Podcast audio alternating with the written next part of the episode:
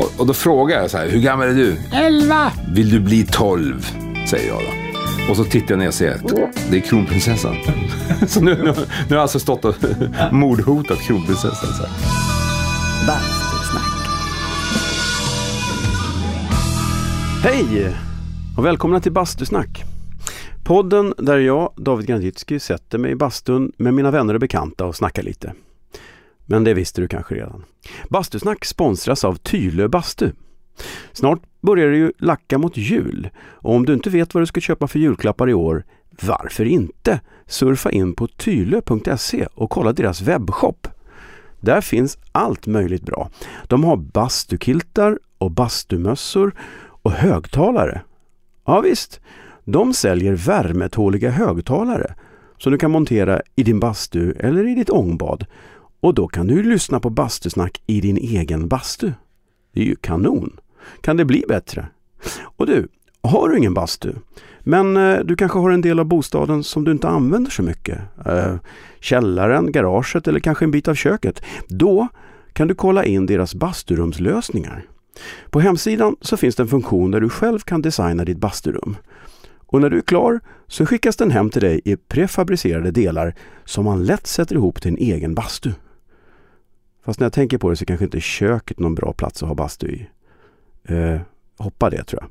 Men eh, tack Tylö för att ni är med och sponsrar podden. Och som sagt, det där med köket var ju min idé. Jag tror inte det är någonting som Tylö... Jag vet inte, kan man ha... Hmm, jag måste kolla. Det kanske går att ha en bastu i köket. Kan man bygga om kylskåpet till bastu? Ja, skitsamma. Dagens gäst är John Howdy. Det är tredje trollkarlen jag bastar med, men jag vet, har fortfarande inte fått reda på ett enda trick. Fast i det här avsnittet avslöjar han faktiskt ett. Över till bastun. Bastusnack. Nej, men jag vill eh, hälsa dig hjärtligt välkommen. Mm, tack. Jag eh, har funderat jag har funderat över ditt namn. Okej. För jag tänker så här, Howdy. Ja. Ja. Och i min värld så har ju det hela tiden varit inspirerat av Houdini. Mhm. Varför heter du inte Houdi då? Ja, varför gör jag inte det? Alltså, namnfrågan är en lång, lång historia. Jag, bru- jag brukar ha två korta historier. Ja. Det, det är så här, jag menar, har du snott ut av herr Houdini? Så här, ja. Ja. Ja, det har jag gjort. Och så är det, då är det klart. va. Men den, den riktiga storyn, det, det är faktiskt det att jag har ju eh, släktingar i, i Danmark. Min mor är från Danmark. Jaha. Hon är gammal luftakrobat och sådär. Min mor. Ja. Och eh, så hamnade i Skellefteå av någon konstig anledning.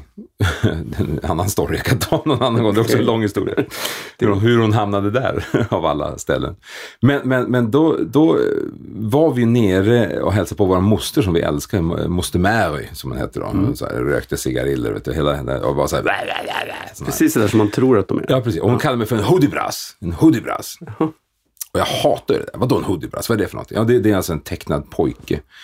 Eh, som är busig. Jag bara såhär, ah, okej. okay, ja, okay. Och, och jag hatar ju det. Och mina systrar, äldre systrar tyckte då att det var jättekul. Va?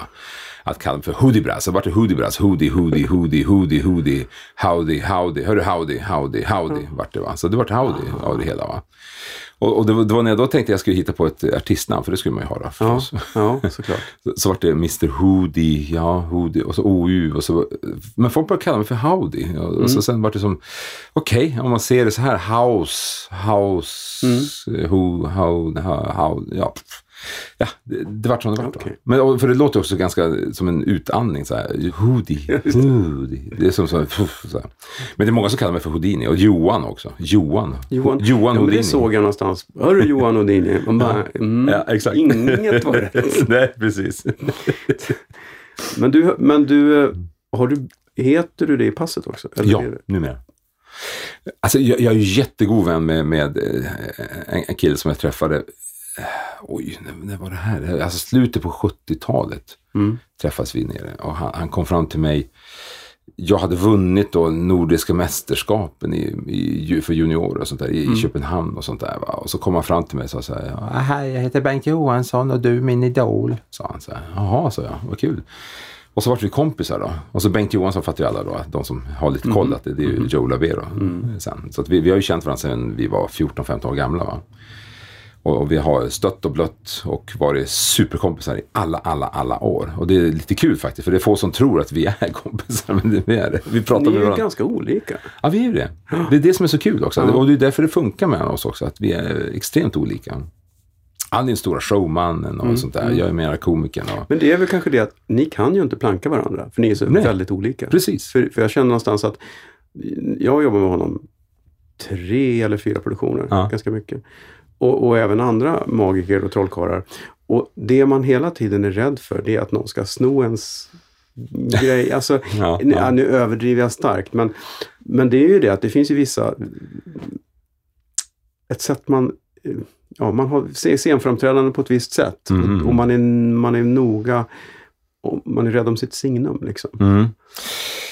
Eh, Jo, men det är det ju. Absolut. Alltså, jag hittar ju comedy-ådran i det här. Ja. Jag tyckte det var himla roligt. Och han hittar ju den här showbiz, Siegfried Roy-ådran. Mm. Alltså att det ska vara stort och det ska vara limousiner och det ska vara allt sånt där. Va?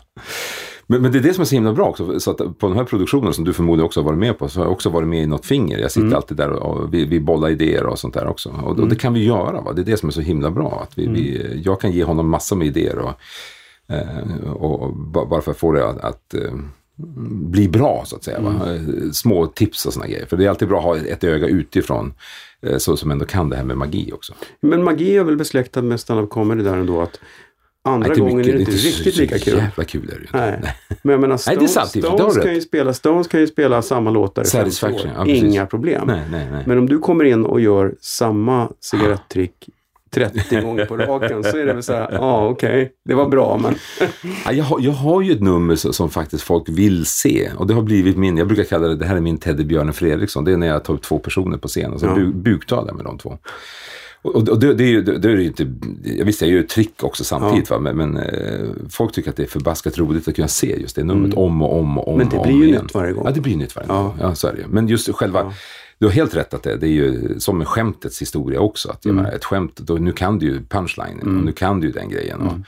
eh, och samma sak med trolleri också, att jaha, titta hatten var tom och så kommer en Mm. kanin. Så, ja, okej, vi fattar. Nästa gång så en tom hatt, okej, det kommer en kanin. så att, du, har rätt där. Mm. Men Absolut. där älskar jag just också när man, när man lyfter en, en, en magishow. När man lurar publiken att de tänker, ja ja, nu är det det här numret. Och så är det inte alls det. Nej, precis. Och det är fantastiskt kul. Ja. Leading them down the garden path, som det heter i, på vårt språk. Ja, Ja. precis. Att man leder dem ner efter och de tror att det här, precis så här kommer det bli, men sen så är det en helt annan sak som Ja. sker i slutändan. Och det är förbannat roligt faktiskt. Och man, just det här klassiska att man, man tror att det spricker. Det är ju också... Ja, just det, att man misslyckas Ja. att de ser och sånt. Ja, previs. Att de... Men det där, det där är ju, alltså, trolleri är så fantastiskt, för, för det är så otroligt mycket eh, psykologi i trolleri. Va? Mm. Eh, att man ska kunna förklara för folk, eh, alltså av alla konstarter om man säger så, va, som finns, skådenummer, så, så finns det ju ingenting som har så mycket böcker, videos och sådär om just själva konstarten magi. Så det finns ju otroligt mycket att, att ta ur. Eh, och eh, trolleri har ju blivit, alltså det, det, låter så illa många gånger. Alltså jag brukar här, "Uff, trolleri, ah, så här, Ja, men man ser någon som står Ja. och fumlar med något. Ja, fumlar med ja, någonting. Precis, ja. Ja, eller de säger, ja, du, han, han stod där och drog, drog in och rep och viftade med någon duk i ett hörn. Så man känner bara, åh. Ah.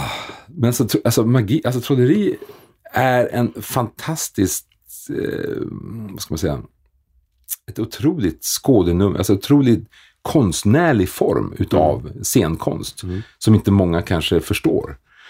Eh, och tyvärr är det så att man måste utbilda folk för att de ska få verkligen förstå hur otroligt mycket som ligger bakom ett nummer. Eh, alltså, eh, problemet som vi har eh, jämfört med musik, jag brukar alltid använda så här att, metaforen med musik, jag jämför alltid med musik. Mm. Och ett, ett trollerinummer är så att, jag menar, en, en, en låt. Du, sitter och, du knoppar ihop en låt, du sitter i en studio och så gör du klar låten, sen så är låten klar, du gör din, och så producerar du den och gör allting klart. Sen är låten klar, du släpper den på skiva eller på Spotify eller vad det är för någonting. Och så sen så, så, så den är klar där. Det enda du kan göra sen är att du gör en akustisk version eller någon annan version av det hela. Va? Men för oss är det tvärtom faktiskt. För att våran, i våran konstart, trolleri, så är det faktiskt det att vi kan inte sitta bara och ha det i huvudet och göra en färdig produkt. I, utan vi måste ta den här produkten som vi nu har gjort i studion så att säga. Och sen måste vi köra den inför publik. Mm. Och det kan alltså ta ofta 50-100 eh, föreställningar inför publik innan man fattar att det här är ett bra nummer. Det här kommer funka. Mm. Och sen måste man slipa på det och, förändra det och göra det. Och det är därför som det är nackdelen att, att, att eh, vi eh, Många säger det att eh, trollkonstnärer kanske inte förnyar sig. Att, för det är det att numren blir bättre ju mer man gör det Mm. inför publik. va. Så att man får ju kämpa på ett helt annat sätt. Där, va? Ja, men det är ju lite som stå upp. Ja, men det är ju så. Man, man, ah, om jag pauserar lite här så då ja. fäster det. Precis. Ja, väldigt mycket det. Ja, men det har man ju sett en del när man har mm, jobbat med, med framförallt Labero, men även många har jobbat med Brynolf och Ljung, man har jobbat med Mhm. eh, Gycklargruppen har ju haft lite Ja, just det. sånt. Att man, man, man är ju ofta innan föreställningen ser man och pillar, ah, men vi gör så här istället idag. Ja, ja. Och om man gör, den, om man gör lite så lite senare så kanske Ja visst, illusionen blev dubbelt så bra liksom, Ja. när man gör så Ja. och så. Och, det, och man pillar med ljuset och man pillar med... Det finns ju, man kan ju hålla på i evigheter. ja. Men det är kul, för jag tycker också det är roligt med det som jag tycker är kul, man har ett, man har ett, ett inom citationstecken, ett trick. Mm. En, någonting som är, att någonting ska försvinna eller man byter någonting med något. Och det kan, ibland så kan det vara saker som, ja, men det här skulle nästan vem som helst kunna lära sig om de får några dagar på sig att göra. Men ja. Ja. den stora skillnaden, det är ju inramningen och hur Ja. man levererar det. Ja, ja, ja, det är visst. där det blir eh, motsvarigheten till att vem som helst kan lära sig ta tre ackord men alla kan inte spela gitarr. Sant. Alltså, det är ju det här som är det stora är ju när man, fan vad snyggt de gjorde just den grejen. Och så när man har jobbat lite med saker och ting så vet man ju ofta hur det går till. Mhm, Och så vet man att i nio fall av tio är det otroligt mycket enklare än vad alla tror. Det är, liksom- Ja, precis, exakt, det är ja. sällan sådär komplicerat. Så att, men när man just sitter där i, i salongen och ser hur folk bara baxnar, då tänker man, ja men det här funkar ju. Det är kul. Ja, precis. Jo, det är det. Ja, du sitter ju också som ljudtekniker. Du sitter ju längst jag. bak och ser ja, folk. ser samma uppleva sak varje dag. Men så upplever du publiken också. Ja, ja, Det är det ja. som är grejen. Va? Att du ser ju hur Ja. de Ja. bara så här, oh my god. Så här. Man jag, vet jag, jag, jag kommer. tycker det är otroligt roligt att, att eh, de gånger jag är och ser till exempel, jag menar eh, när jag ser Labero till exempel Mm. många gånger för att han tycker att jag ska komma och se hans shower då och då. Så här. Och jag tycker det är otroligt roligt att kunna sitta i publiken och jag studerar publiken runt om och Mm. se hur, hur reagerar de på det här. Va? Och, det, och det är ju, ibland är det så, så här, eh, Oh my god, hur gjorde, hur gjorde de det här? Så här. Men det handlar ju lite om det. Att, att, att man går ut och tycker det var skitsnyggt och sen så hör man snacket efteråt. Hur gjorde han det? Hur gjorde han Ja, det? ja, det, är liksom, ja, precis. eh, det är därför det är så lätt att, att, att alla säger så här, åh man får aldrig berätta hur det går till och oj, oj, då, då blir de jättearga på det. Och så tänker man, men varför tror någon att jag som jobbar med den här produktionen ska runt och, gå runt och berätta hur det går till? Ja. Det är som att berätta att jultomten inte finns. Man tappar ju... Det Exakt. blir inget roligt Nej, längre. det har du hela För det är inte så här att det är så åh, han förlorar så mycket pengar på det. Det har inte Ja. med det att göra. Det har, Nej, det, nej, har med nej. att, det är inget kul. Nej, det har med respekt för publiken. Exakt. Av samma orsak som att du går inte fram till någon som sitter och läser en bok, en deckare till Nej. exempel, som du har läst. Ja, du går inte fram till den personen och säger så här, ah, du, det, det, Nej. det är butlern som är mördaren. precis. Du vill ju inte förstöra för den Nej. personen. Va? Och det är samma sak med magin också, att man, man, man ska inte förstöra Nej. just den här upplevelsen. Alltså, för trolleri är ju den enda, återigen, konstarten som kan få, eh, vad ska, hur ska man förklara det här?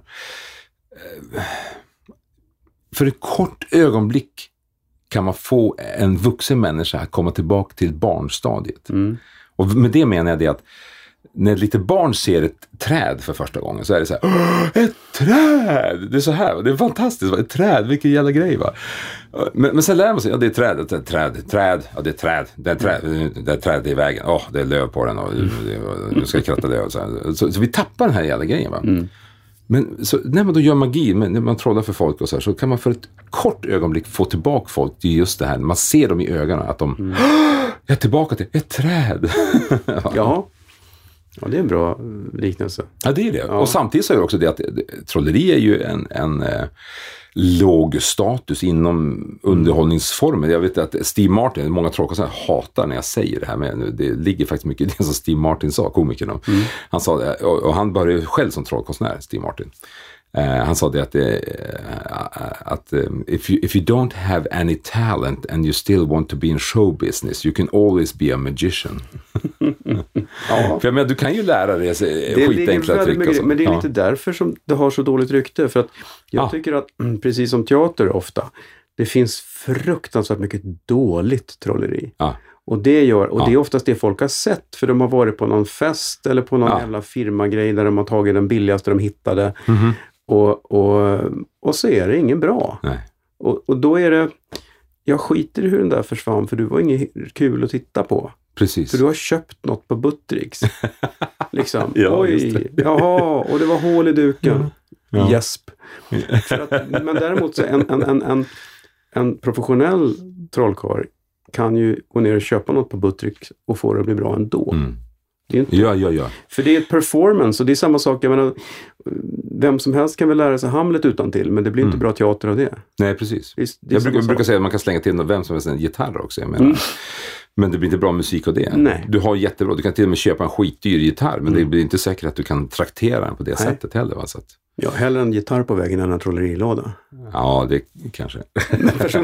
Men, men de flesta har haft en trollerilåda. Det Ja. är det som är så kul. Ja. Va? De flesta har varit inne i den här grejen. Och, och, Men hur började du då? Kom inte och säga att du liksom, "Ah, jag fick en trollerilåda. ja, det var ju precis Var det vad det var. Ja, det är för jävligt alltså. Det, alltså. det är det som är grejen.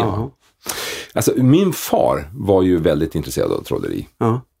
Och när han träffade min mor, eh, min mor var ju som sagt var då eh, trapetskonstnärinna. Hon jobbade i en trupp som hette Allan and Company.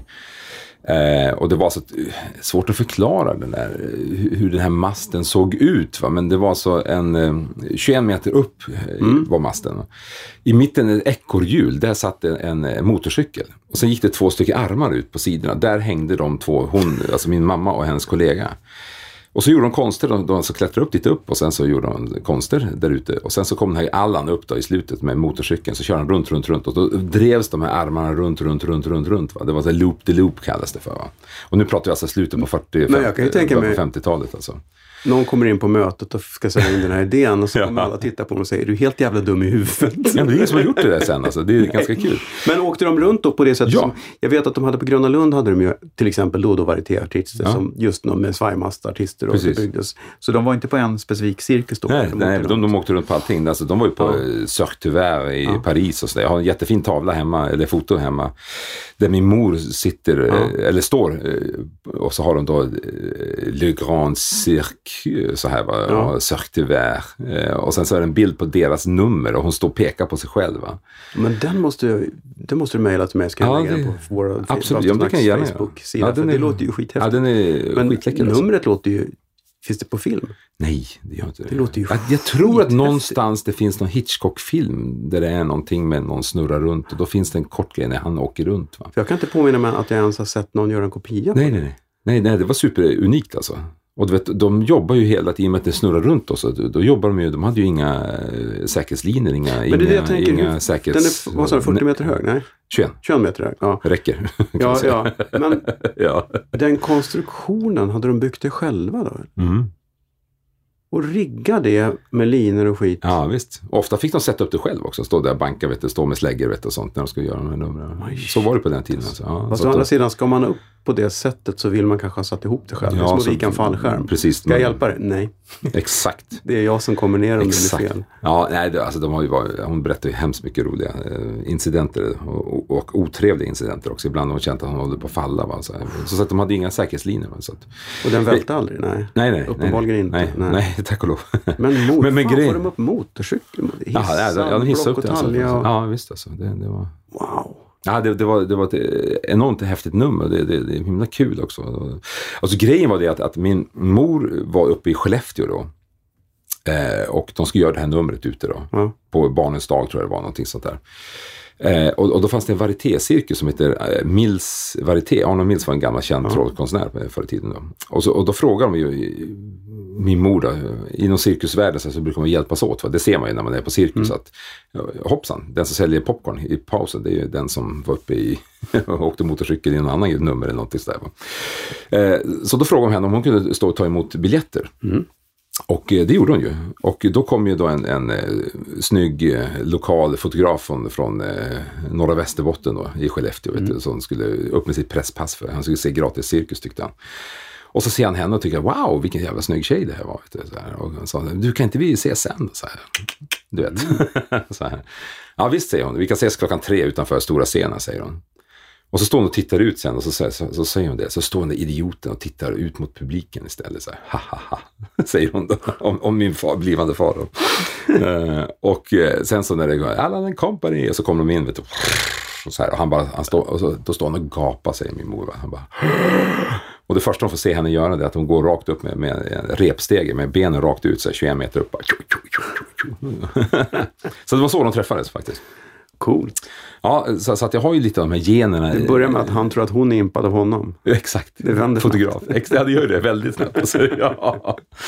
Nej, så, så att jag har ju haft, haft den eh, uppväxten med mycket, alltså hon slutade ju 56, 1956 när min äldsta syster föddes. Ja. Och jag är född 64, va, så att, eh, det är inte så mycket kvar. Men däremot hade hon kvar, hon har fortfarande kvar den här bettskenan hon har. Eh, och hon har kvar trapetsen och lite sån här nackstropp som hon hade också. Man blir lite mer säkerhetstänkande när man blir förälder. va? Ja, Det... det är väl lite grann så. Var är mamma? Där. där, där uppe, ja precis. Men, Nej, jag, jag henne hon till Las Vegas en gång och hon fick se det här Ja. Cirque du Soleil. Hon bara, "Pff, nej, säkerhetslinjen, äsch, äsch. Hon bara, dömde ut det helt. Värdelöst. Ja. Ja, men det är en kul story faktiskt. och, hon- men hon varnar ju mig. Hon, Ja. Gå inte in i showbusiness. Det är den värsta showbusiness. Det är det värsta som finns. Alltså, gå inte in i det. Alltså. Det- Men min far då, det var dit jag ville komma. Ja. Han var ju väldigt imponerad. Han älskar trolleri. Va? Så att han hade ju köpt några biljardbollar som han stod och försökte imponera på henne. Och hon- hon bara, åh, åh. Hon tyckte inte om trolleri. Va? Men han fortsatte ju tyckte det var skitkul. Så när då jag föddes och sen när jag växte upp och så här, då, då, vi barn fick ju oftast då en trollerilåda för att han skulle också kunna sitta och joxa med den också. Så att det var lite grann där det var. Va? Klassiska. Farsan, Ja, ja. köper byggmodeller. Ja, men liksom. lite grann så var det. Va?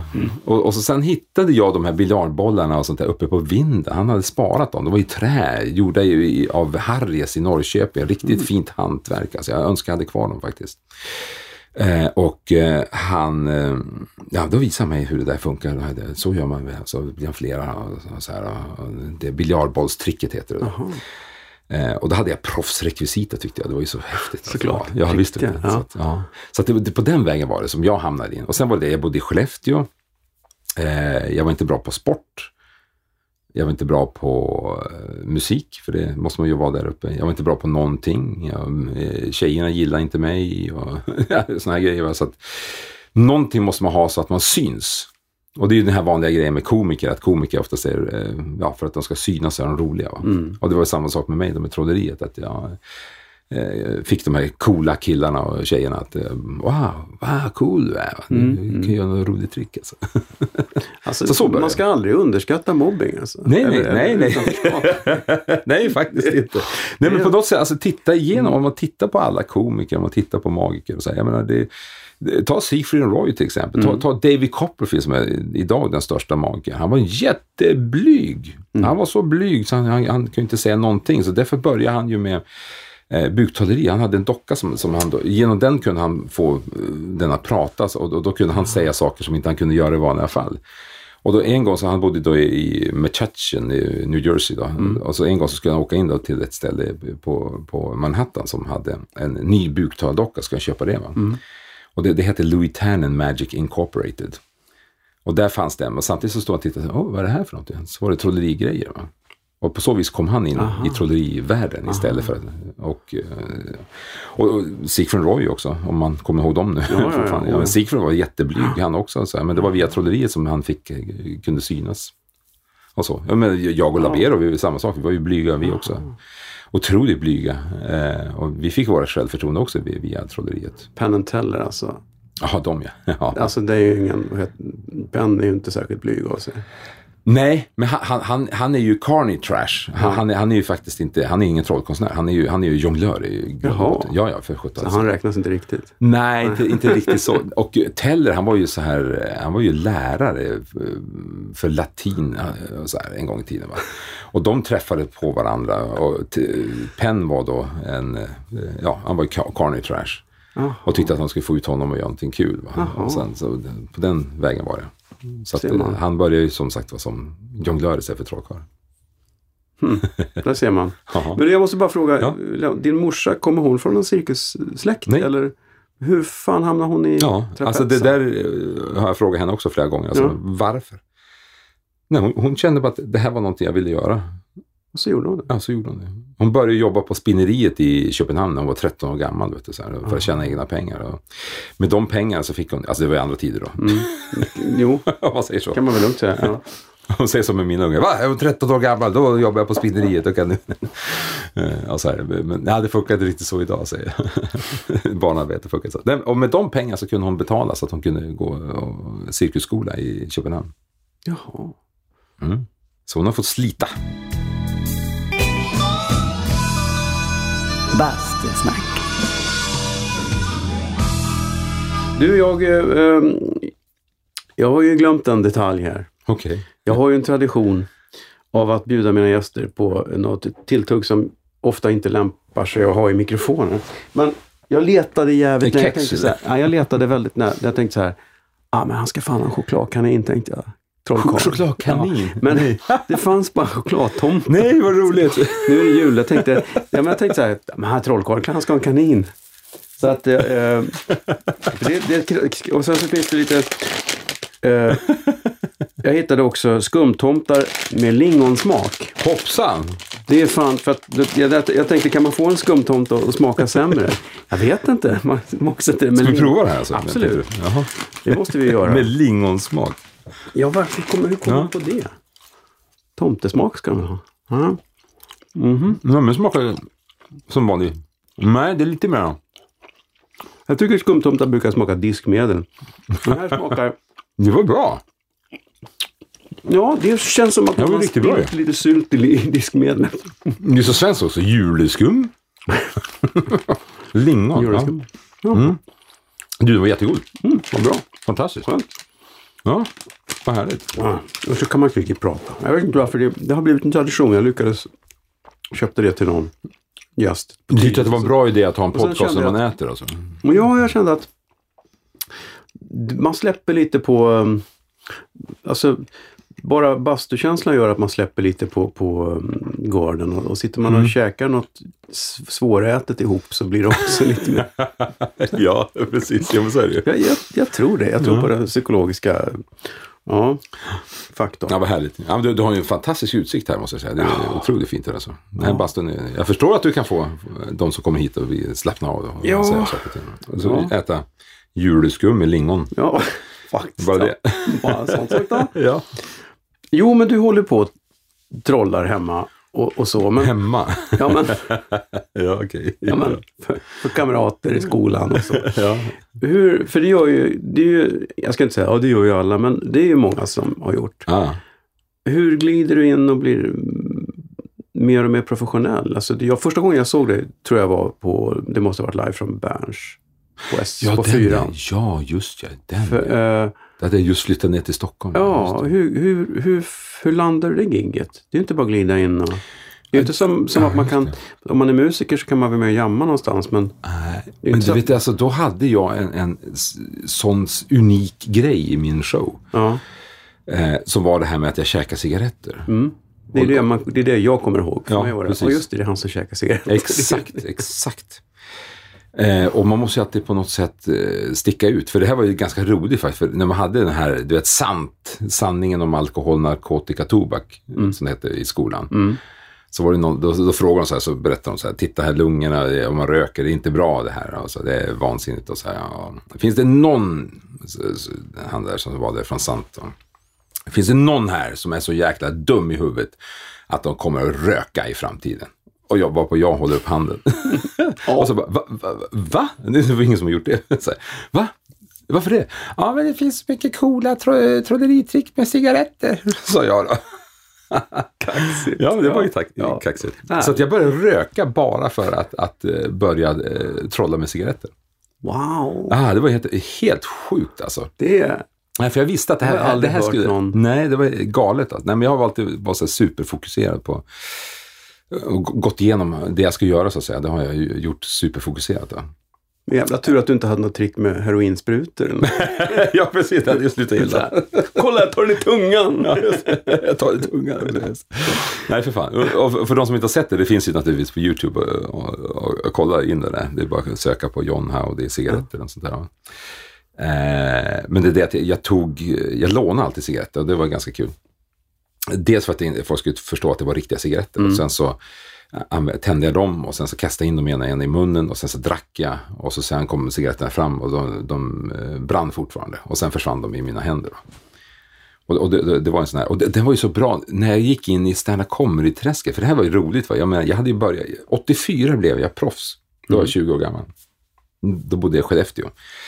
Eh, flög som en galning mellan eh, Stockholm och Skellefteå. Och gjorde mest show i den nere då förstås. Då hade jag ju jobbat i nästan tio års tid när jag ramlade in på stand-up comedy-svängen. Mm. Eh, så 84, sen, ja i och för sig 91, 92 tror jag att det, då ramlade jag in. Och då var det att jag gjorde en turné med Lenny Norman då i, i eh, Skåne. Av alla ställen. Och det var precis när jag hade flyttat ner till, till Stockholm. Och Lenny sa det, men du, alltså, du borde ju platsa på Norra Brunn. På den tiden var ju Norra Brunn körde ju bara en gång i veckan, det var på måndagar. Eh, och eh, så fick jag göra ett test då tillsammans med, med Pontus Enhörning nere i Södertälje. Så fick då Bertil Goldberg då som var den stora. Han fick ju då se mig där och sa, ja men du ska komma med här. Och sen så kom jag då till Norra Brunn och så skulle jag köra där. Och så var det ju, alla trodde jag var superrookie. Att jag inte gjort någonting innan. Eh, och jag vet att det var Claes Malmberg och Adde Malmberg som var där. Och så sa Adde Malmberg så här, ja men då gör jag så här att du, eh, jag går upp och så värmer jag publiken. Sen så kommer du upp och så kör du fem minuter. Och så, sen så avslutar jag första och sen så tar Claes resten. Fem minuter sa jag. Eh, Det var lite lite tyckte jag. Ja, hur mycket vill du ha då? Ja, kan jag få 45? så, så, så, så säger man inte. Nej. För då trodde jag att jag var helt rudis.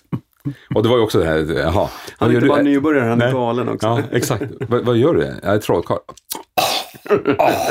Du vet, man hör det riktigt där bara. Så. här. Ja, men får jag köra? Då, då säger Adde så här, ja men gå upp och så kör du så länge som du känner för det. Och så sen, ehm, men så fort du känner att det inte fäster längre så går du av. För att det här är en tuff publik och det är ju tuff publik på Norra Brunn, det är det ju. Och jag gick upp och så körde jag min show och jag körde käka cigaretter och jag körde med, med eh, och sådana grejer som jag gör fortfarande. Och eh, taket det var bara så här va. Så Adde går upp och säger bara, äh, nu tar vi paus. Så. Direkt efter. Jag, kör, jag tror jag körde faktiskt 45 minuter någonting så faktiskt. Och efter, efter det så var jag som fast i det hela. Eh, och, och då tyckte jag det var eh, så kul att göra den här grejen. Och, och, och eh, just att hamna inne i stand-up comedy-världen. För redan mitten på 80-talet, innan stand-up comedy hade kommit till Sverige, så kallade jag mig, jag har fortfarande kvar visitkort därifrån, där det står John Howdy, eh, stand-up comedy-illusionist. Men ingen visste vad fan, vad, vad stand-up vad är det för något? Står du upp och, jag fattar inte. Jo, jag, jo förvisso. Men ingen visste, formen hade inte kommit till Sverige då. Eh, och... Eh, Nej, men sen körde jag på som tusan och det här var den bästa skolan man kan göra. Man säger ju det att om du ska lära dig ett yrke inom showbusiness ska du jobba så mycket du kan. Va? Och det gjorde jag. jag gjorde ju, på den tiden gjorde jag 90-talet så, eh, typ ungefär 250 shower per år. Alltså, med turnerande alltså. Det var... Det var Men då var du singel eller familjefri antar jag? Nej, för fan. Jag hade, jag hade flickvän då också. Och hon Ja. tyckte det var okej? Eller? Ja, det gjorde hon väl. Jag var halvt för val, ja. Ja, vad hade hon för val? Ja, i och för sig. Mm. Men det är klart. Hon var ung också. Ja, hon var väl det. kan jag tänka. Ja, men då var jag väl, började närma mig då. 94 fyllde jag ju 30 i och för sig. Så Mm. Ja, men det är ändå inte så Fan vad gammal man är. Vet du. Usch. Och hon är ju fem år yngre än vad jag är. Så Ja. säga. Min, eh, min, hon, hon har hängt, hängt med faktiskt. Mm. Helt otroligt. Hon har hängt med från 88 Bra. till nu.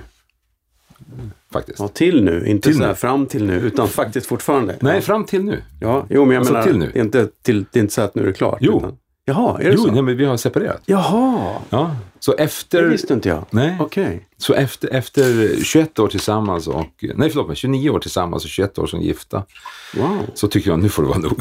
tyckte. Jag blir alltid lite sådär... Jag blir alltid lite fascinerad när folk går isär efter jätte, jätte, jättemånga år. För då Ja. känns det som att, men det är ju som att liksom Varför? bli av med en arm. Nej men Ja, man är ja, ju ja. så, livet blir ju... När jag, när, jag, när jag, jag tänker på när folk blir av med sin partner ofrivilligt, så att Mm. om det händer någonting eller så, så blir det ju... Det är trauma. Ja, alltså det blir ju så, man vet inte riktigt hur man ska ta sig fram. För att, Nej. eh, men hur, ja. Men ni är kompisar? Ja, ja, vi, Vi, vi funkar. Och ni har stor vuxna barn nu? så- Ja, vi har, eh, vi har en dotter som är 16 och en som är eh, 20. ja, ja, men det är inte sån vårdnadsproblem? Nej, nej, nej, nej, absolut inte. Utan, och det är väldigt nytt där alltså. Så Ja, att vi, vi har, faktum är att, ja, är det idag? Är den 24, så att det var i, typ igår som papperna gick igenom. Oh, så, shit. att, så, så nytt är det faktiskt. Så det är ett scoop alltså? Det är ett scoop. har aldrig varit ute i media? Sorry, jo Nej. det är alltså, det, Asch. Slasktidningarna har ju Ja. naturligtvis hunnit. Det är så. Eh, Hänt i veckan och sånt har ju hunnit. Fast de hitta. skriver ju sånt där även när det inte är... Jag blev så jävla arg. Ja. Det var någon som ringde mig för... Ja, det här är några år sedan. Ja, jag har hört att ni ska skilja er. Aha. Jaså? Det var mer, ja det har vi. Det var mer än vad jag visste, så. Och då stod jag just med, med, med Helene och hennes föräldrar och de skulle åka någonstans och hej hej. Och, Jaha, nej, alltså, så det stämmer inte det? Nej, det var ju skönt, säger han. Ja, eller hur? Så. Ja. Hej då. Nästa vecka. Då står det ju på löpet, första sidan där. "Åh, Helene, Skil, Helene Sjöholm ska skilja sig. Aha. Och jag blir så här, vad fan är det här? Jag, va? Och jag blir så, för, för, för vad som händer är att folk börjar ringa och, och, och liksom min mamma blir ledsen där och man, och man måste gå och förklara på dagis att för, för, för, för, det blir så knasigt för det blir lite så här, ja jag vet att ni inte läser såna här Ah. tidningar men om ni nu kanske har gjort det så stämmer inte Ja. det här. För att man börjar, de börjar ju kolla hur barnen mår och sånt där Mm. direkt såklart, det är ju deras jobb. Of- Of course. Och sen så till slut så, så, så, så mm, får jag tag på den här journalisten, mejlar den här journalisten och säger vad fan är frågan om? Ja. Varför gör du så här? Min morsa blev jätteledsen och folk undrar och folk ringer och vad, vad är frågan om? Det, det är ju inte sant. Jo, men vi hade det var ju ett rykte och, och så. Och det här är vad våra läsare vill ha. Och så här. Men jävla skit, vill de ha lögner Precis, alltså? exakt. exakt. Så, så nästa gång jag hör det här, vad jag lärde mig då var att när någon ringer så ska du säga Nej, det stämmer inte och skriver du det så ljuger du. Mm. Jag sa aldrig det. Nej. Utan jag sa, jag blev bara så paff. Ja. Men, Nej, men det, eh, det där är jävla jobbigt alltså. Ja, det, det är samma sak nu. Det, det var det att eh, jag ville ju mota Olle i grind. Va? För jag vet Mm. ju att de, de sitter ju och har såna här eh, koll på tingsrätter och Visst, sånt där. Va? Att man, när, när man lämnar in, ser de då ett namn som är hyfsat känt och så här, Mm. då, då hugger de ju som kobror. Va? Så då tänkte jag att nu, nu går jag och föregår Mm. eh, lite grann så här. Så jag sa det att eh, så här ligger det till, eh, jag ska skilja mig. Och för att det ska bli en sån här liten, så litet som möjligt. Ja, det ska bara en liten jävla notis längst ner, hade jag tänkt mig va? att det skulle bli. Ja, det, var vart ju, nej det vart ju inte. Eh, av den enkla orsaken att jag råkade ta med en, en, eh, en tjej som jag har träffat. Och, och det, är inte, det, är inte, det är inte hennes fel att vi Nej, nej. att vi skiljer oss. Utan det här är någon jag har träffat nu så att säga. va. Och hon är fotograf bland annat. Hon jobbar på, på riksdagen och sådana grejer. Och sånt. Och så är hon fotograf också på, på fritiden. Så jag tog med henne på en sån här eh, kändisfest då. Som handlar om, ja du vet, eh, kalenderflickor. Det handlar om foto, foto och sådana grejer. Jag tänkte, det kan ju hon tycka var kul. Då vart hon direkt utpekad som min flickvän. Va? Såklart. Såklart. Och det var ju den, det, var ju den, det som var fokus istället. Va? Nu har han ny flickvän. Va? John Howdy skiljer sig efter 29 år. Men han har en ny flickvän. jo, och, så, det- och det blir slask och det är plask. Och, man bara, åh, och jag tycker så synd om henne också som bara dras in i någonting helt nytt som inte hon är van med. Va, så att säga. Äh, det är ett intressant fenomen det där med Ja, det är svårt också. För jag menar, eh, hon jag träffat nu, hon är en jättefin tjej och, Ja. och hon, är, eh, hon kom ju helt fel i mitt liv just nu. Jag hade ju tänkt att jag skulle vara ledig. Och, Ja. har, man då varit gift och, eller tillsammans med någon 29 år och 21 år gift va, så, så, så kanske man vill vara lite loss så att säga, ganska länge. Men så, så dyker hon upp i mitt liv och så här, oj, vad hände? Va? Det är jättekonstigt. Och, och, och det blir svårt för henne också. Och just att man jag, jag försöker förklara för nej men alltså lugna er för fan. Det här är så nytt va. Kan Mm. ni inte lugna ner er? Ta, skriv inte så här va. Men så anser ju de då att det är ju helt okej. I och med att du har tagit med någon på en offentlig grej så är det så, Mm. Ja. så här är det va. Man bara, åh, ja ja okej. Jo, men det är någonstans, eh, det lärde jag mig någon gång också, att man försökte gå förbi en sån här fotograf. och så sa de att kom igen, ni har ju fan fått biobiljetter. ja. Och, och, och, och då insåg jag, ja, det är faktiskt så. Det finns en deal här. Vi får biljetter för att gå på det här. Och då betyder det att vi ska gå där och bli fotograferade så de får sin PR Ja, på filmen.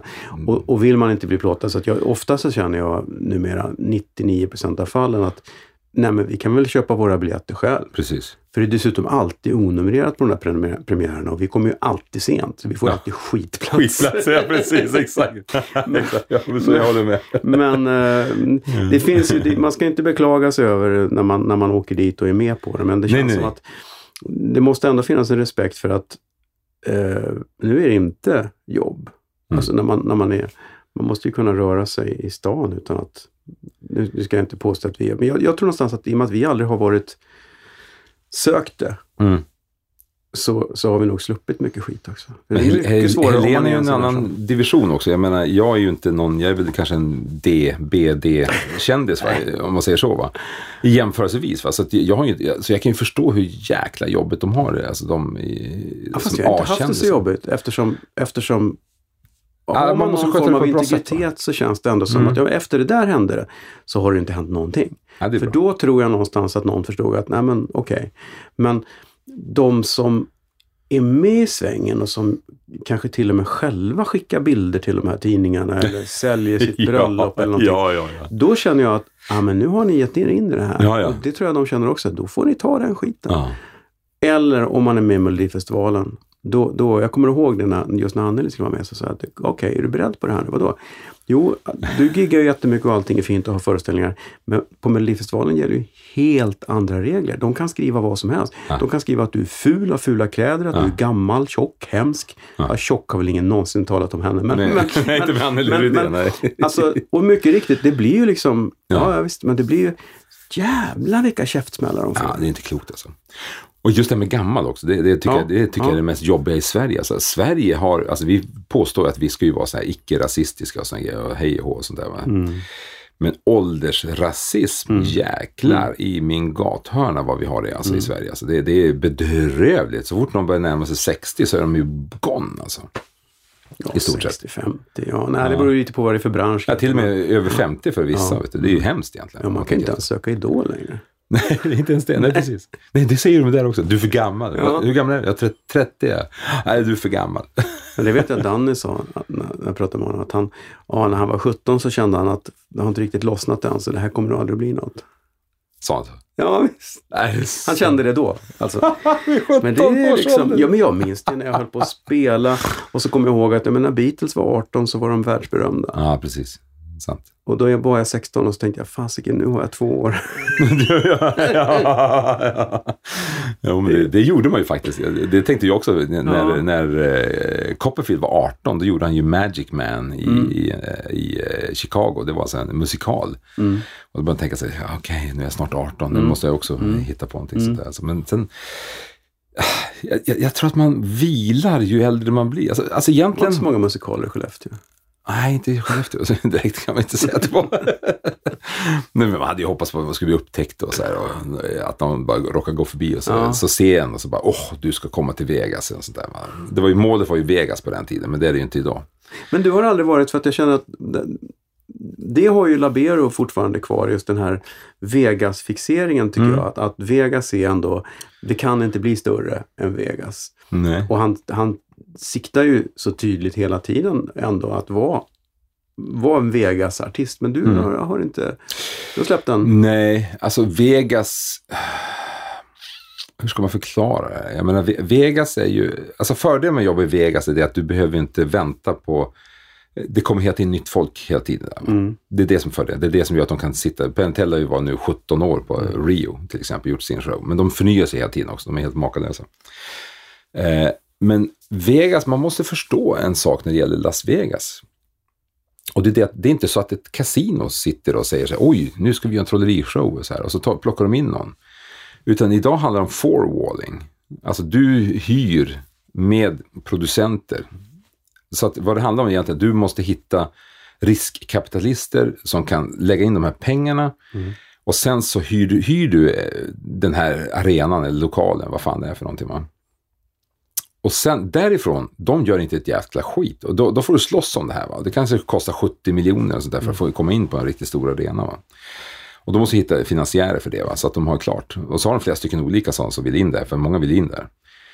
Eh, och eh, sen har du fortfarande bara, eh, sen efter premiär så har du bara kanske pff, tre veckor på dig att visa att du lockar folk. För att det handlar om att få in folk dit in. Visst. Och de ska passera maskinen, så stoppar de mynt i maskinen. Och sen när de går därifrån så ska de tycka att det var trevligt så de stannar kvar och stoppar mynt i maskinerna. Och så här. Men du ska ju alltså, det, det är så hårt klimat och det är så få folk som fattar egentligen hur, hur det funkar. Va? Utan du, du köper den här lådan själv. Den ska du marknadsföra. Du ska gå runt, du ska muta de här jävla ticket brokers. Du ska muta journalisterna med Rolex-klockor. Och det, det är så mycket mutor och skit överallt. Så det, det är fruktansvärt mycket skit alltså. och, och ett jäkla jobb alltså med forwarding-principen där. Va?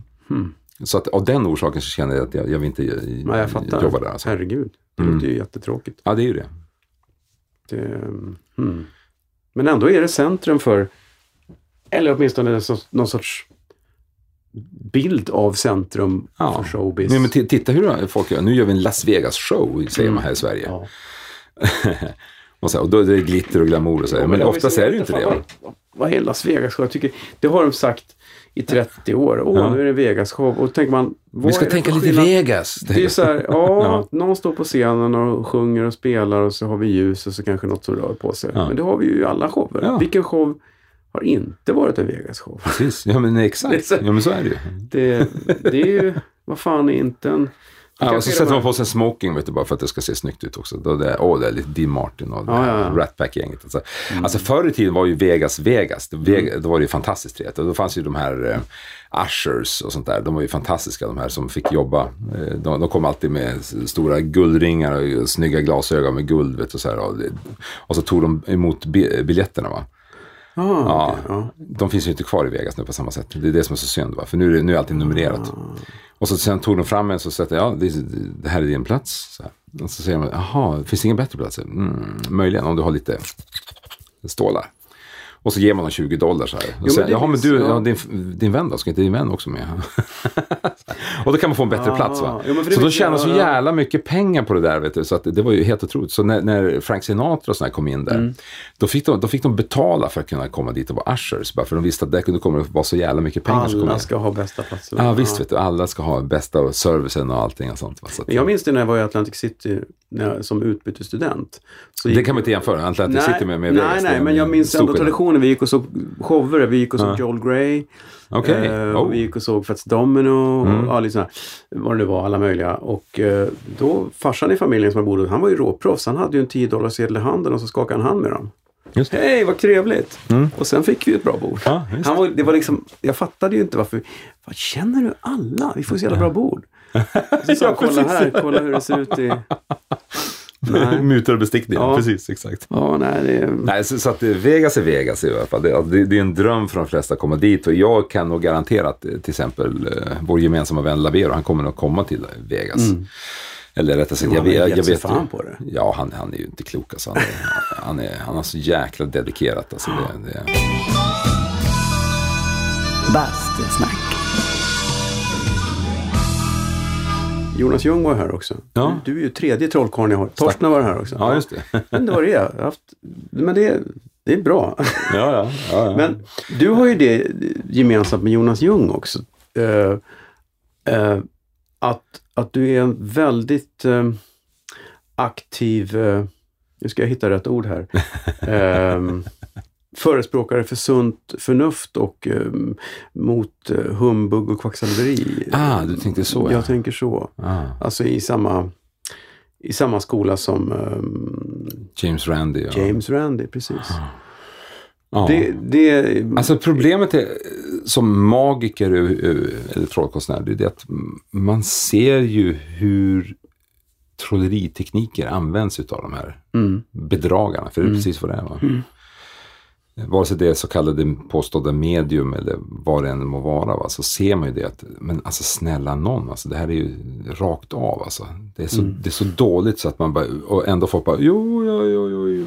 Ja, det, alltså, det är var- halvtaskiga illusionister som istället blir ja, typ alltså. tv-medium. Alltså, ja, de hade, de hade kunnat gjort den här showen och så kalla det för en show. Alltså, Mm. vi, nu gör vi en kul grej. Så att, och då hade det varit fine. Va? Men när de går ut och, och, och får folk att inbilla sig om att, att de pratar med döda, för det, det är som man säger, va? visst man kan prata med de döda, men det är svårt att få de döda att prata tillbaka, om man säger så. Eh, nej men jag, jag halkade in på det där, eh, dels för att jag gjorde en podcast som var väldigt stor en gång i tiden, innan podcasts var stora, och den heter Skeptikerpodden. Just det, det har jag glömt bort faktiskt. Det borde Just jag ha det. gjort i min research, men du var ju, just det. Just För det, var, jag är satt- programledare där. Eh, Var den i samarbete med eh, föreningen Vetenskap? Och, Nej. nej, No, no. de har inte med. För att man brukar ju knyta, jag, jag, jag, kopplar ihop dem. Ja, Men Nej, har nej, inget. Nej. Nej, vi hade ing, ing, inget samarbete, tack och lov. Eh, och ehm, tack och lov. Nej, men för, för det är en ka- ganska konstig förening som har blivit väldigt konstig med åren, om man Ja. säger så. Eh, Nej, det hade vi. Vi gjorde det bara själva. Vi, vi kom bara på det. Vi satt på Twitter och snackade med varandra. Ja. Och sen tänkte vi, ska vi inte göra en podcast? Ja, visst. Och så gjorde, vi- testade vi. Och vi gjorde väl, jag var med i 70 avsnitt och så gjorde de väl 100 totalt tror jag. Mm. Jag hoppade av och så hoppade också Anders Hesselbom ho- hoppade av också som var med. Eh, där. Och då startade vi upp eh, min egna podcast då, som Mm. heter Radio Howdy. Mm. Och den har vi kört eh, nu, vi har gjort 215 avsnitt någonting, tror jag med den. Och den är ju, där försöker vi göra, alltså Skeptikerpodden vart så otroligt, vi började vinna priser, vi vart, vart i årets podcast och såna grejer. Va? På den tiden var det ju lättare ju, än idag om man säger så. Va? Eh, då hade inte alla podcasts Nej. som idag. Nu har alla Nu har alla podcasts, precis. Eh, och då var det så allvarligt och, och då var det inget kul längre. Då var vi tvungna att kolla varenda grej. Vi fick inte säga någonting som kanske gick emot någonting. Va? Och, och, och då tappade jag lite, s- så här, nej, nu, nej, jag hoppar av det här. Jag tycker inte att det är lika kul längre. Så vad vi gör nu med Radio Howdy till exempel, det, det, nu ska vi faktiskt lägga ner den också. Eh, vi har kört som sagt, så jäkla många avsnitt och vi, vi, vi ska sluta på topp känner vi. Eh, men då, vi blandar ju friskt. Va? Vi, alltså, dels pratar vi om religion och, vi- och vi pratar om alltså religion, vi är religionskritiska då.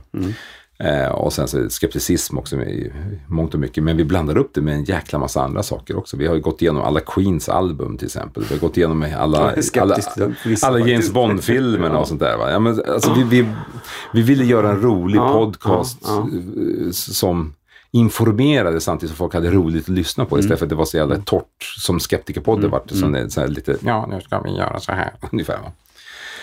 Eh, så att, men, men, men det... Men det är ju inte helt ovanligt att trollkarlar är Nej. det. Men det är kanske... Men alltså, det är för att vi ser ju, Ja, vi ja. ser ju hur jäkla lätt folk blir duperade utav de här bedragarna. Mm. Och, och, och, då känner man det att man måste som på något sätt det har ju med min humanistiska ådra också att man, man måste kunna säga till folk att men akta, akta er för detta, detta är inte bra. Mm. Som underhållning helt okej, men som sanning, nej. Nej, alltså, alltså de skulle gott och väl, ja men Terry Evans till exempel, alla de här, de hade lätt kunnat gått runt och gjort en, en eh, show utav det hela Mm. va. Nu låtsas vi att vi, jag får kontakt och gör så här la la la la Men sånt. blir det inte lite som wrestling? Jag tänker så här, wrestling är ju skitstort. Alla vet att det här är ju liksom Fake, ja. fake. Ja. Fast de som gillar det säger det är inte alls fake. Jo, men det är ju fake. Ja. Om man tittar på de här slaskprogrammen som går på TV4. Mm. Kan det inte faktiskt vara så att folk sitter och tänker, men det här är ju fejkat, men det är ganska kul att kolla på. Nej, alltså, Eller tror folk nej, på det? Jo, de tror på det. Det är det som är det värsta. För då, då, då hade det ju varit okej om, man, om, om det var någon sorts underförstått, ö, någon sorts överenskommelse. Att, Alltså man, man, möter folk, man möter folk som är så här, nej men det fattar väl alla att det här är fake. Ja. Och sen så är det de som är helt inne på att det här funkar. Nu var det en musiker på, på Facebook här, så, som, eh, han hade sett en gestalt och han hade bara, oh, nu, nu tror jag. Och då kom ju alla in och sa, åh, ta kontakt med Terry Evans, ta kontakt med det okända och sådana grejer. Så går jag in och säger det, men vänta nu. Och så visar de hur hjärnan kan spela en, en spratt Mm. och, och berätta om de här olika sätten som gör att hjärnan kan få, att, få dig att eh, tro att du ser saker och ting som du inte, egentligen inte ser. Va? Men det, det, de vill inte tro på det här. Och, och det blir som, ju mer man går på, desto mer cementeras de i, i sin åsikt och sina villfarelser. Alltså. Att, att, eh, jo men det finns, det, det är klart det finns här. Och så blir de men det, förbannade det, och där arga. brukar jag ta upp, det här kommer jag ju klippa bort för jag har sagt det i två, i två poddar. Uh, uh, har du hört talas om, det finns en podd som heter um, You're Not That Smart. Okej, jag är ingen vetenskapsman men jag lyssnar mycket på poddar. Jag rekommenderar er som är intresserade av The Backfire Effect, som jag faktiskt har pratat ganska mycket om förut, uh, att gå in och lyssna på podcasten You Are Not So Smart. Där finns ett avsnitt, som, eller det finns faktiskt tre avsnitt som handlar om the backfire effect. Det är väldigt intressant men vi skippar min förklaring just nu. Hej! Är är- Jag tror någonstans att det är den här gamla traditionen att vi är inte särskilt religiösa längre. För, Det för hundra år sedan så kunde man skrämma folk med djävulen och hit och Vi behöver, jag tror att det ingår i det mänskliga, att, att ha en tro Mm. på saker som är hotfulla, som får oss att känna oss trygga om vi undviker dem. Mm. Eh, Eftersom de riktiga farorna är så ogreppbara. Miljön, eller krig, eller mm. ja, I don't know. Bastusnack. I vissa sammanhang när man säger saker på Facebook så har man väldigt svårt att inte hamna i bråk. Liksom. ja. Eller att hamna i diskussioner Ja, men som det, det är så lätt att det slut. blir Ja. missuppfattningar. Va? Det är Ja. det. Och metoo till exempel, jag har, jag har inte gått in, det är samma som i vår podcast, vi har inte Mm. heller gått in eh, någonting i metoo-debatten alls. För vi tycker att det här är så jävla viktig grej och Mm. här, vi tycker att det ska vara så att tjejerna ska få prata ur Mm. först innan, innan vi kommer in. För det var väldigt, väldigt mycket killar som i metoo-debatten som kom in. Ja, nu, jag, jag förstår nu att jag har varit dum och, och så, så tar de plats på något sätt. Va? Ja, men jag kände första dagarna så kände jag, nu finns det två fraktioner här. Dels de som ondgör sig över var är killarna, varför är de så tysta? Mm. Och sen så är det den fraktionen som sa, jaha, det tog ett dygn, sen tog killarna över. Och då tänkte jag, men nu säger jag ingenting för nu blir det bara fel. Ja. Eh, men sen så kunde jag inte hålla käften faktiskt när folk, när killar började skriva snart vågar man inte kramas längre. Och så tänkte jag, är du helt dum i huvudet? Om du inte fattar hur en kram funkar, om du inte kan vibba in vad det Exakt. är, då behöver du prata med någon. Ja. För liksom, kom Ja. igen. Ja. det, man förringar någonting till... Och sen är det svårt att diskutera metoo eftersom den sträcker sig från någon som kramar folk som inte vill bli kramade till rena våldtäkter. Vilket gör att, att spektrat är så stort så det finns inget svart eller vitt annat än att jag tycker det är skitbra att det kommer upp. Och jag blir ju chockad över hur jävla många det är som har blivit utsatta. Alltså, det är fruktansvärt. Men alltså. sen måste jag också gå till grunden. och, och att det har varit så norm, normaliserat. Ja, ja, ja. Jo, men jag är, jag är uppväxt inom teater och, Mm. och underhållningsvärlden liksom, världen och jag kan ju inte säga, jag är helt medveten om att här, vissa de här människorna som, som dyker upp här, det har det ju talats om i flera år. Mm, mm. Alla har ju vetat att den och den är dum i huvudet eller gör så här och så här. Eh, jag tror inte jag har känt till de grövre saker, men jo, vissa misshandels, Mm, kvinnomisshandel, kvinnomisshandlare, man vet vilka de är. Men sen har jag ju varit en av alla som har accepterat att så här är det i vår bransch. Och så har det alltid varit. Och, och det får vi hacka i oss och, och så undviker man den och den. Men att man skulle anmäla någonting, det har ju inte, jag har inte ens tänkt på. Fast, men jag, man har ju fortfarande inte tyckt att det är okej. Mm. Men, men man har haft de skygglapparna på sig och jag kan ju lätt säga att alla jag har jobbat med i princip har haft det. Mm. För att vi har ju alla varit medvetna om det här. Det är ju inte så en överraskning att det nej, förekommer nej, nej. även härskartekniker och trakasserier och allmänt jävla dåligt uppförande. Mm. Jättevanligt. Men, men nu har man ju någonstans, nu var det som ett litet barn sa, oj kejsaren är naken och så, så såg alla att ja det är han ju. Ja. Vad fan, du kan vara hur begåvad du vill men du får inte uppföra dig sådär ändå. Mm. Vad är det frågan om? Jag minns när vi satte upp en show på, på Berns 97. Och så kommer jag ihåg att de, förresten så heter den Magic Night, som Laveros, det är ganska lustigt. Och då sa vi Broström då som hade hand om det, Ja. Eh, då sa Anders Broström, han sa så här att eh, Eh, Okej, ni två gubbar, det är jag och så var det Bob Arnold, en ficktjuv. Ja. Och sen skulle de ha dansare och det var ju Rennie Mir och, och lite annat, någon svensk. Och sen var det lite dansare då från Bring the Noise, Bring the Funk från, från, eh, från Broadway. Riktiga bra steppar och så här.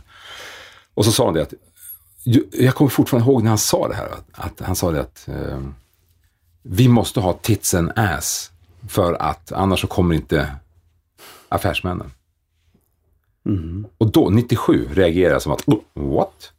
Ska man verkligen behöva ha det? Alltså för- första showen jag jobbade med på börsen 1989 hette Crazy Horse och det var en gäng br- topless-brudar. Den gick skitdåligt. ja, det förstår jag. Men det var, det var fortfarande så- möjligt att göra det då. Men så gör de ju för fan fortfarande i Paris. Ja, De har ju ja. topless. Ja, det är tradition. Det är kultur. Ja, det är kultur, ja. Precis. det är så jävla dåligt Ja, också. det är skitdåligt. Men eh, nej, man har fått, jag, jag hoppas ju, jag känner ju att det här är ju det största som har hänt sedan kvinnlig rösträtt. Mm, faktiskt. Ehm, och jag hoppas bara att det håller i sig. Jag, jag, bör, jag börjar gå igenom mitt material och tänka så här, Ja. jag, säger någonting på scenen som kan vara kränkande på något sätt och så här. Och det är bra. Det Mm. finns ett fruktansvärt jävla trolleritrick som jag har hatat sen jag någon gång. Det är att man tar två stycken sidendukar och så, här, så knyter man ihop dem, stoppar ner i urringningen på en kvinna. Bara där har vi ju, Mm. du ser va. Och sen så försvinner en, en annan duk, försvinner. Så här, oh, och så ska den hoppa in mellan de två. Du vet, det är så associationer hela tiden. Mm. Va? Och man bara... Och sen rycker de till och så drar de ut det och så hänger en bh däremellan. Vet du. Och det är sånt jäkla skitdåligt trick. Men det är, det är mycket, ja det är gubbigt och sådär. Och, och visst, det ger reaktioner av folk. Men, men jag, det här har jag från min mamma alltså, som ändå är det här med artisteri. Alltså. Ingenting under bältet, ingenting Nej. sånt här va? och sånt. Eh, och och eh, jag har försökt köra så mycket Disney som det går. Va, så att säga. Jag, jag, eh, man säger graderingen där. Vilken gradering har man? Va? Disney, ja, men det är Disney. Jag jag är Disney. Jag ska kunna funka alltså på, för en familjeunderhållning samtidigt som jag funkar för, på en stand-up-klubb. Alltså. Okej, jag kan vara lite mera, trycka på lite extra på, på en stand-up jag comedy-klubb. tycker det är skillnad att vara grov i mun och vara, alltså ja, det finns ju, Det finns ja, de exakt. som bygger Nyanser. en show på att den är grov. Eh, och- och då kan det ju finnas en överenskommelse. Eh, det får inte bli någon sorts eh, åsiktspolis. Nej. Jag, jag tycker någonstans att sunt förnuft, vad fan, man måste ju veta hur man ska uppföra sig och man vet, måste veta hur man ska behandla andra och att man ska bli behandlad ut efter där man är. Nej, men visst. Och, och ja, det kränkta ligger hos den som blir kränkt men, men eh, ståuppare får ju jävligt svårt. I framtiden, ja. ja. Ehm, Alltså en del är ju riktigt supergrafiska. Försöker, man försöker förklara för folk ibland som inte förstår det här egentligen, hur, hur det ligger till i dagens läge. Va? Men samtidigt så vet jag också det, jag minns ju Lenny Norman när han satte igång. Vet du. Det var ju mycket, hans material kom ju väldigt mycket inspirerat utav Andrew Dice Clay och sånt där. Va?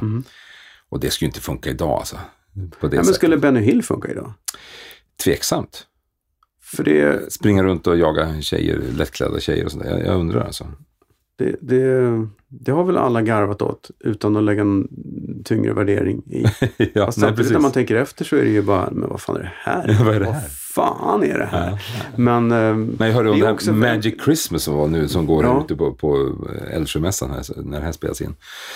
Eh, Robert Bronett har ju så här, och då, har, då är det någon illusionist i slutet som kör andra akten där. Vet du, och han, han ska visst ha bara såna här tjejer, vet du, i stringtrosor och minimala bikinis och så där, som ålar runt och håller på. Vet du, så här. Och det är ju, eh, så, så det här är ju bra på något sätt, att man, Mm. man, man på, får bort det där. Men och du vet, Labero till exempel också jobbar Ja. väldigt mycket med det här med också att Eh, han har fått mycket skit för det här med att ja, det är det vanliga. Vet du, han stoppar ner en kvinna i en låda och så kapar han i tur. Och så här. Men senaste åren har han ju börjat använda Ronny och de andra så här, alltså män Mm. Ja. Mm. och sig själv och sånt i illusionerna.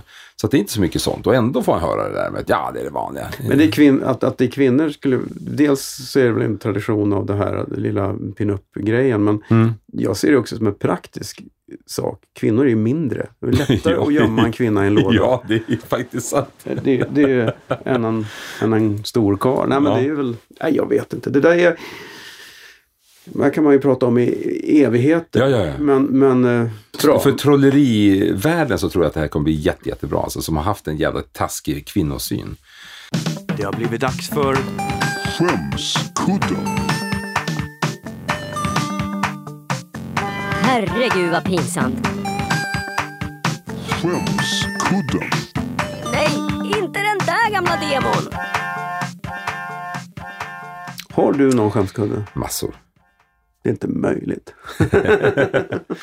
Nej, men, jag hade faktiskt som... Jag var jävligt stolt. På 90-talet när jag gjorde de här showerna, ute, gjorde ute på eh, comedyklubbar, så var jag den enda komiker som aldrig gick av scenen i förtid. Jag körde mitt race, jag bara matade på, matade på tills jag fick dem till slut ändå. Alltså. Och det var jag jävligt stolt över. Eh, så på så vis, men alltså, det har ju hänt grejer självklart. Alltså, jag har ju en grej som jag gjorde, en sån här, som jag bara... Alltså det finns ju mycket. Alltså man, man kan ju till exempel kolla gamla Slängd i brunnen. Jag hade ju hoppats att inte de skulle finnas kvar på, på YouTube. Och Klart de gör, ja. Jo, de gör det numera. Nej, men alltså de, de rensar upp alla YouTube-klipp och sådär. De tog ju bort allt det. För jag, hade, jag hade ju lagt ut när jag käkade cigaretter till exempel. Hade jag lagt ut. Och så, så vart jag bannad ifrån YouTube i sex månader. Någonting sådär, för att jag hade lagt upp mitt eget nummer. va? det var när de rensade TV4 in. ägde, ja. Ja, eller SVT ägde ju det då. Och så, Ja, det, skulle, så, så, skulle de ju då göra en DVD utav det här. Då gick de ut och rensade allting i, som fanns ute. Eh, Men sen så när den här DVD-boxen har släppts så har det ju kommit ut allting igen. Så det ligger där och jag känner bara, åh, hjälp. För på den tiden, 90-talet, så här, vi visste ju inte alla hur vi skulle jobba med stand-up comedy. Så det var inte bara jag utan det var väldigt många andra som, som väldigt snodde material från amerikanska komiker. Va? Så det var mycket Seinfeld, det var mycket eh, Bill Hicks, det var mycket George Carlin, det var mycket Andrew Dice Clay och sådär. Så, som roterade runt bland komiker i Sverige. Va? Och, och, och det blir väldigt uppenbart när man ser de här grejerna nu. Va? Man har gjort vissa förändringar förstås. Va? Så man är glad att man inte, man, man inte snodde inom citat rakt av. Alltså. Nej, det var ju alltså, var hemskt. Så de finns ju kvar på YouTube i alla fall. Men jag har en grej som jag gjorde för ett, för ett reseföretag. Då hade jag köpt in ett så här jättesnyggt lås. Eh, och så till den var det sju stycken nycklar, varav en nyckel passade. Va? Skulle det vara. Så att säga. Grejen, och så ska man då, hela, konceptet var att vi hänger fast det här i en, en stor check. Och, och då var det det att eh, de kunde få åka var de ville i hela världen. Va? Om de fick rätt nyckel. Och så sen så blandade man ihop de här nycklarna så fick de ta varsin nyckel så var det bara en nyckel kvar. Och sen så skulle de bara stoppa in de här nycklarna i låset och så kände de nej det funkar inte. Och så, nej det funkar, nej det funkar. Och den enda nyckeln som fanns det var ju min då så att säga. Så då klick, då öppnade jag låset. Va? Eh, problemet med just den här metoden det var ju det att alla nycklar funkade. Va? Eh, och det var det att om man Ja, det, är- nu avslöjar jag metoden här i och för sig, men det är så jävla dåligt tryck. Nej, men alltså, man, man kör ner den här nyckeln hela vägen ner, kling, i låset. Va? Det var ett stort jävla lås. Och sen drog man tillbaka, klick, klick, två stycken. Då, kunde, då funkar varenda nyckel. Va? Och grejen var den att jag skulle ha koll på när de stoppade in nycklarna så att de verkligen gjorde det. Va? Så att det inte Ja, var något så att det konstigt gick i botten, ja. Exakt, det gick i botten och sen så. Men då var det någon som sa någonting till mig så jag vände mig bort så och tittade.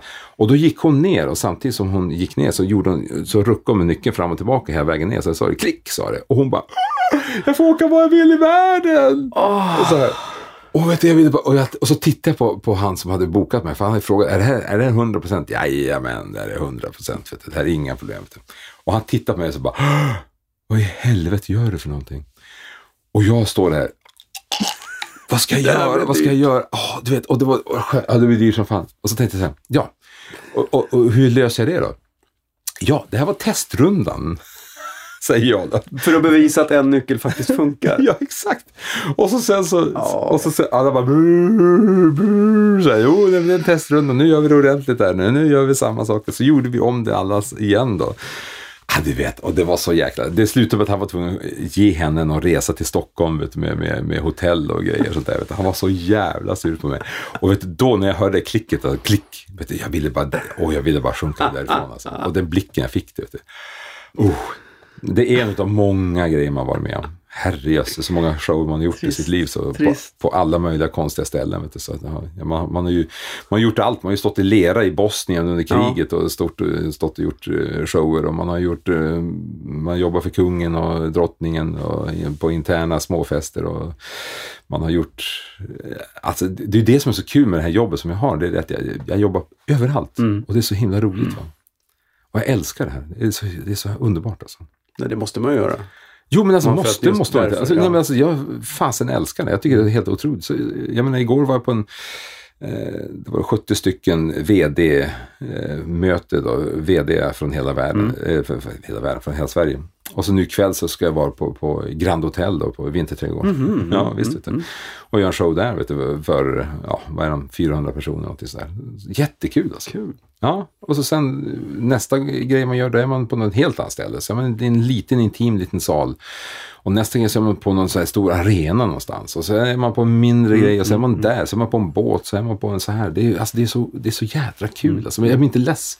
Och det är lite grann det här jag känner. Visst, jag tycker det är jättekul när man har turnerat med Stjärnklart och och gjort sådana här grejer. Jag älskar de här grejerna. När man gjorde bands och sådana grejer. Man, man satt på samma ställe i flera månader. Bara bam, bam, bang, bang, bang och gjorde samma sak.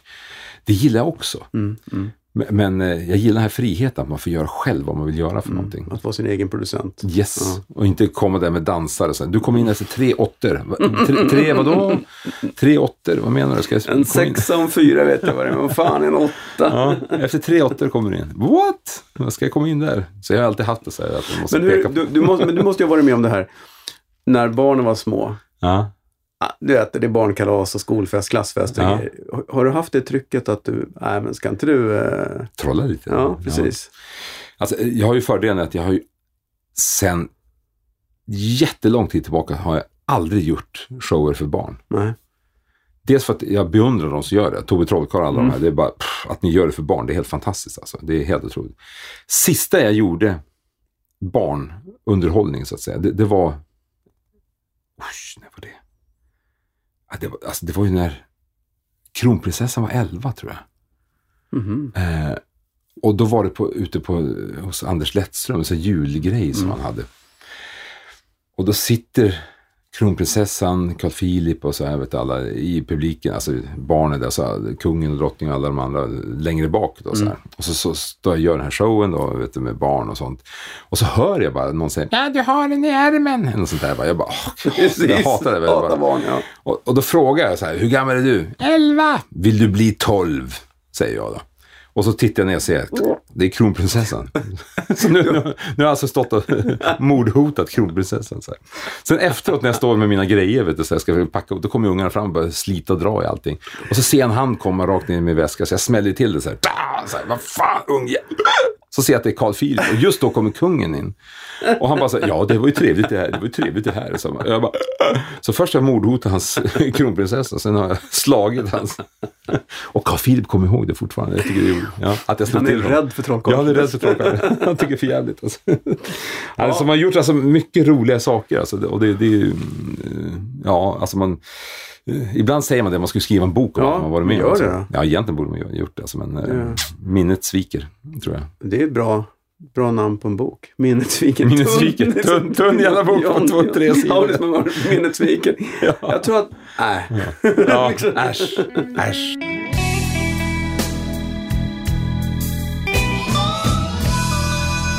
Bastusnack. Men du, eh, då ska jag bara vilja, om det, har du något du vill tillägga förresten? Nej, inte så mycket egentligen. Va? Det är alltid kul att sitta och prata så här. Ja. Det finns ju säkert miljoner saker jag kommer, när jag åker bil härifrån sen så kommer jag säkert eh, Ja, ja. kä- känna det att... Nej, jag frågar ju för att jag börjar känna mig att det, det är så svettigt här så att jag känner Ja. att nu vill jag hoppa i sjön. alltså, Alla har, i princip, ja, det var alla utom en har hoppat i sjön. Är det så? Ja. Och jag har lovat att aldrig berätta vem, vem han var. Nej, okej. Eller hon. Vem han var? Eller hon? Nej, han. Eller hon. Det är klart att en kille, vad tror du? Ja, of course. Ja. Nej. Så är det, jag tror att det är fyra grader nu. Det är lite varmare. jag tror inte att jag annars. skulle göra det faktiskt och hållet. Jag tror att jag... eh, Bangar du? nej, Jag bangar. Okej. Jag Då bangar. har vi två som har bangat. Ja, men jag klarar inte av... Alltså i mitt förra hus som jag hade. Ja. Så hade vi pool och det var ingen av oss som badade förrän det var så här 29 grader. Okej. Så man fick elda upp det där. Vet Trots att det är så varmt i bastun nu. Jag ser hur det Ja. rinner svett. Ja, jo, men det är en annan sak. Okej. det Ja, är ja. varmt, men alltså, Ja. man behöver inte kyla av sig så. Det man Så ser man dig bada så vet man att det är speglar och linor inblandade. Ja, det, ja, Det är något. eller jävligt Fuffens. varmt vatten. Ja, ja. Ska det vara. ja, men tack för att du kom hit. Tack själv, vad trevligt. trevligt. Ja, tack. Bastusnack. Tack Audi. Det var kul att ha dig här. Även om du bangade badet. Och tack till Tylö Bastu som sponsrar Bastusnack. Surfa in på tylö.se och leta julklappar. En bastukilt, det är aldrig fel. Eller en bastumössa. Blöt bastumössan och ta på den i bastun så blir det inte så varmt om huvudet. www.tylö.se är adressen som sagt.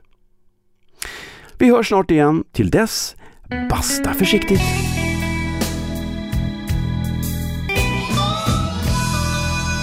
Bastusnack.